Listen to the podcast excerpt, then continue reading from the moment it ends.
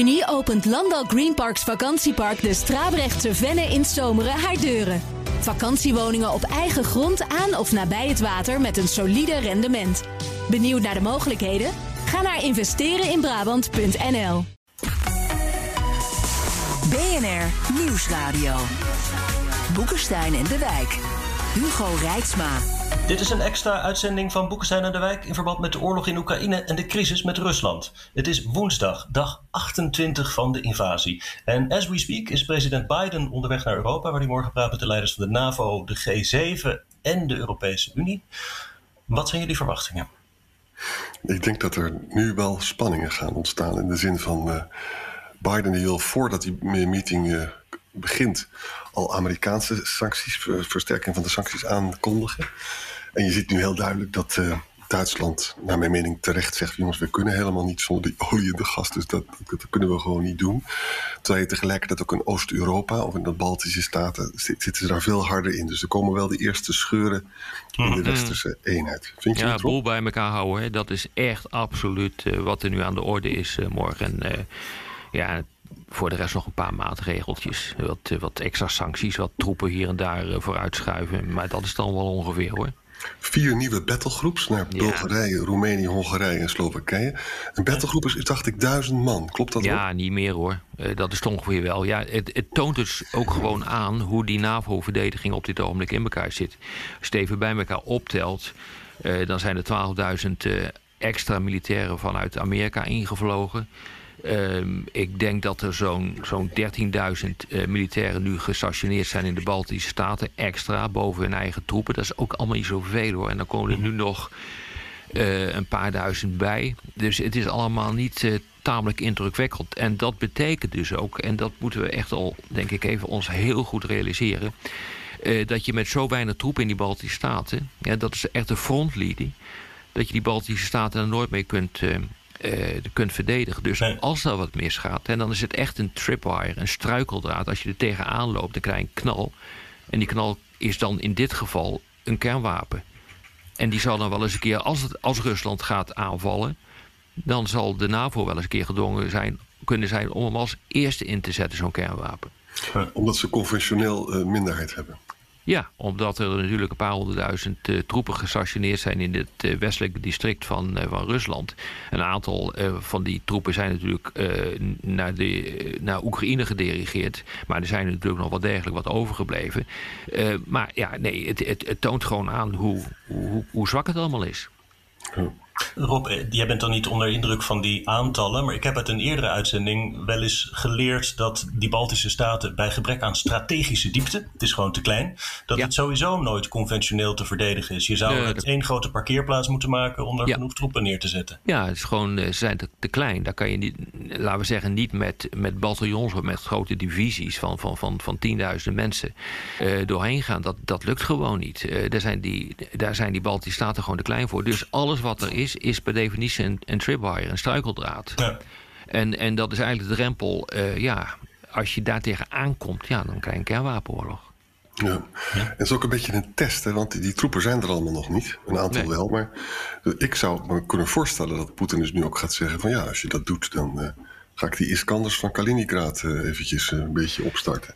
Nou ja, er gaat natuurlijk ook nu weer zo'n ongelooflijk fijne video uh, rond van een of andere talkshow in Rusland, waar een tamelijk hysterische Rus zit te betogen dat wanneer dit allemaal helemaal uit de klauwen gaat lopen, ook Polen zal worden vernietigd en Amerika zal worden vernietigd met een kernwapenoorlog. En dat zal allemaal kunnen gebeuren als de Polen gehungerd zin krijgen en er een vredesoperatie komt in het westelijk deel van Oekraïne en nou ja, enzovoort, enzovoort. Maar de oorlogsretoriek is ook wel gewoon op ongekende hoogte gekomen in dat, in dat land. Het is echt verschrikkelijk. Ja. Er zijn ook weer berichten, dus dat er een, een hoge defensie, althans een hoge defensie uit het verleden, dat die is overgelopen zelfs. Of, ja. of ik ben zijn naam vergeten. Dus ik horen wel vaker van dat soort berichten, maar dan ja, lees ja, ik ook weer dat het, ja, het allemaal meevalt van moet geloven, weet ik ook niet hoor. De deserties, uh, daarvan wordt ook gesproken uit het, uh, uit, de, uit het Russische leger dat in uh, Oekraïne actief is. ik weet niet wat je ervan moet, moet geloven. Ik weet alleen dat Oekraïne het nogal goed doet, om het maar zo te zeggen. Nee. Maar misschien toch goed om daar even iets over te zeggen. Uh, want iedereen zit er daar zo over te verbazen dat die Oekraïners dat zo goed doen. Maar realiseer je dat na de annexatie van de Krim in 2014, in 2015, het jaar erop, dus de Amerikanen zijn begonnen om uh, die Oekraïners te trainen. Ja. En, uh, en dat, dat hebben ze met enorm veel succes gedaan en ontzettend planmatig. Elke 55 dagen uh, werd, er een, uh, werd er een nieuw bataljon afgeleverd, om het maar zo te zeggen.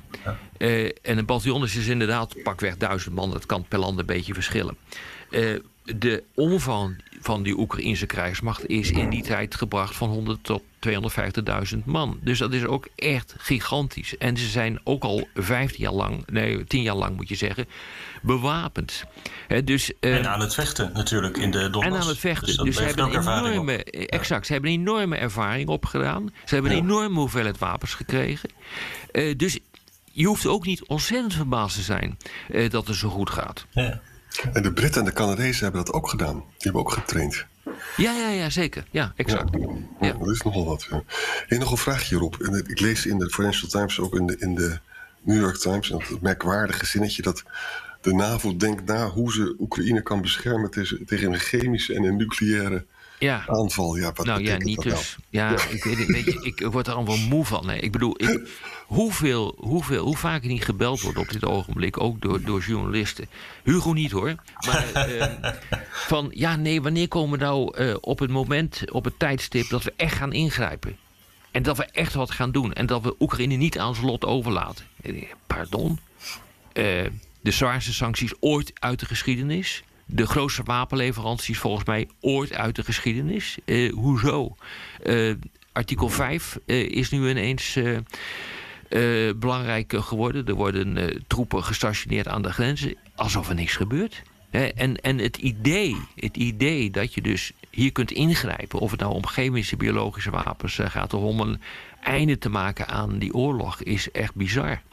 Ja is ook een beetje een merkwaardig artikel hè, van Neil Ferguson in, uh, uh, hoe heet het ook weer, Bloomberg. Dat stuurde je, ja? dat, is een, dat is een bekende historicus, hè. ik heb al zijn boeken. Maar hij doet hier iets wat ik gewoon niet zo goed begrijp. Hij maakt een punt van, uh, ja, Biden maakt een kolossale fout, zegt hij. Hè. Hij denkt dat hij Rusland dood kan laten bloeden. Dat daardoor een koep tegen Poetin komt. En, dat, en daardoor ook allemaal China niet zal besluiten om Taiwan in aan te vallen. Ik, ik, ik, ik, ik heb dat nooit gemerkt bij Biden, dat dat er nou achter zit. Nee. En het punt wat hij maakt, hij vindt dus dat de Amerikanen dus uh, nog meer die vredesonderhandelingen uh, moeten aansturen. Maar ja, het grote probleem is natuurlijk dat die onderhandelingen zijn gaande. Rusland wil niet veel. En het probleem is dat als Amerika daarbij gaat zitten, dat die arme Zelensky, die moet vreselijke dingen gaan accepteren. Maar dat, kan helemaal niet. Ik bedoel, Amerika en geen enkel westers land onderhandelt mee. We vergeten ook iedere keer dat dit een conflict is tussen Oekraïne en, uh, en Rusland. En niet tussen Oekraïne en de NAVO of Amerika. We zijn er wel bij betrokken, maar we onderhandelen niet. Ja, moet je je voorstellen, nog even die, over die onderhandelingen, die zijn nog steeds gaande, maar ze leveren niks op. Hè? Waarschijnlijk gaat Zelensky, als hij een deal maakt, als het er ooit van komt, gaat hij zeggen, nou dan moet ik een referendum overhouden. Moet je je voorstellen hoe Alsof ik weet niet of je dat gaat doen. Dat, alsof Poetin dat zou accepteren. Hoe zou die in godsnaam een referendum willen organiseren in een uh, land dat in oorlog is? Ik bedoel, hartelijk gefeliciteerd. Probeer dat maar eens te doen. Het zijn allemaal, allemaal realiteiten die niet meer op elkaar aansluiten. Daar komt het op neer. Hmm. Nou ja, eh, ik, ik merk wel dat we nu in een fase zijn gekomen... waarin een hele hoop mensen maar wat roepen. Eh, zonder zich de vraag te stellen... kan het wel? Hebben we daar de middelen voor? En zonder zich af te vragen wat dan de consequenties zijn als je met te weinig middelen iets gaat doen. Dus met de een of andere vakke krijgsmacht daar gaat interveneren. En wat dan de gevolgen daarvan zijn. Ja, een kernwapenoorlog. Dus ik, ik heb dan, ja, je, ziet eigenlijk hetzelfde fenomeen. Nou, ik heb het al een keer eerder gezegd. Dat wat we, wat we de afgelopen jaren hebben gezien. Van we moeten wat doen in Afghanistan. Hoppakee, daar naartoe. We moeten wat doen in Libië. Hup, daar naartoe. Het zijn natuurlijk allemaal fabelachtige mislukkingen geworden. Hey, ik zit nog eventjes op te zoeken, terwijl jullie toch aan het praten zijn, uh, dat er wel concreet nu wordt gedacht over grotere uh, luchtafweer te leveren aan Oekraïne. Hè? Van die SAM-raketten. En dan misschien ook nog die nog grotere, waarmee je zelfs ook raketten uit de lucht zou kunnen schieten. Ja, Turkije heeft dat gekocht van Rusland een paar jaar geleden. En de Amerikanen schijnen met de Turken te praten om dat op een of andere manier naar de Oekraïne te krijgen. Ja, En hetzelfde geldt voor Bulgarije en Slowakije. Dat was, speelde vorige week al. Het zijn S-400 of S-300 uh, raketten? 300 zie ik hier staan. Ja.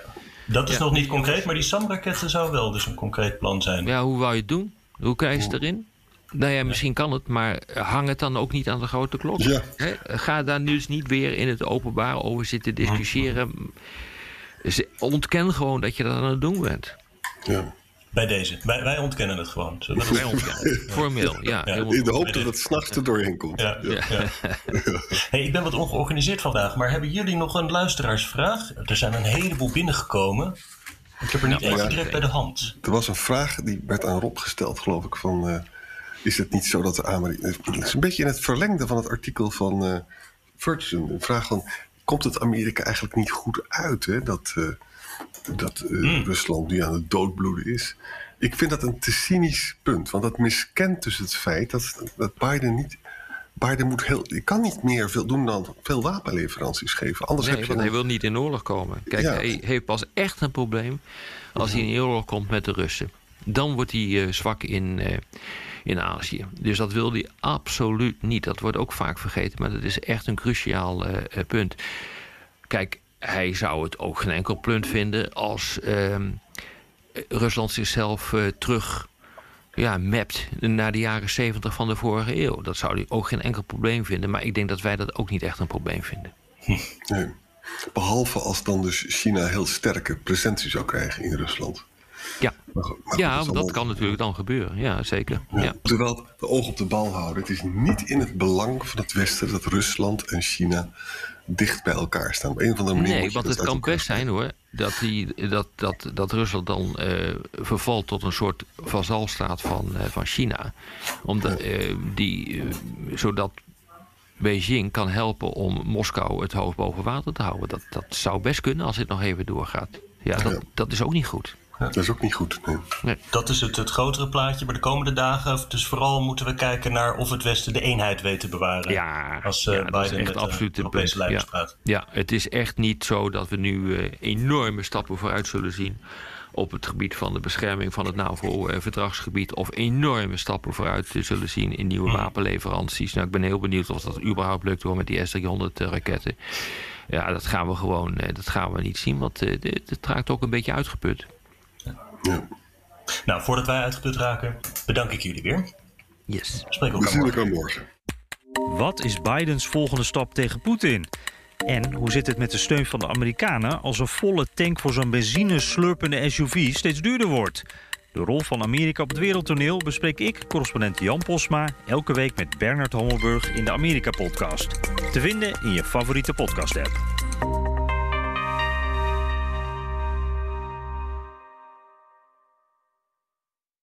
Juni opent Landal Greenparks vakantiepark de Strabrechtse Venne in Zomeren haar deuren. Vakantiewoningen op eigen grond aan of nabij het water met een solide rendement. Benieuwd naar de mogelijkheden? Ga naar investereninbrabant.nl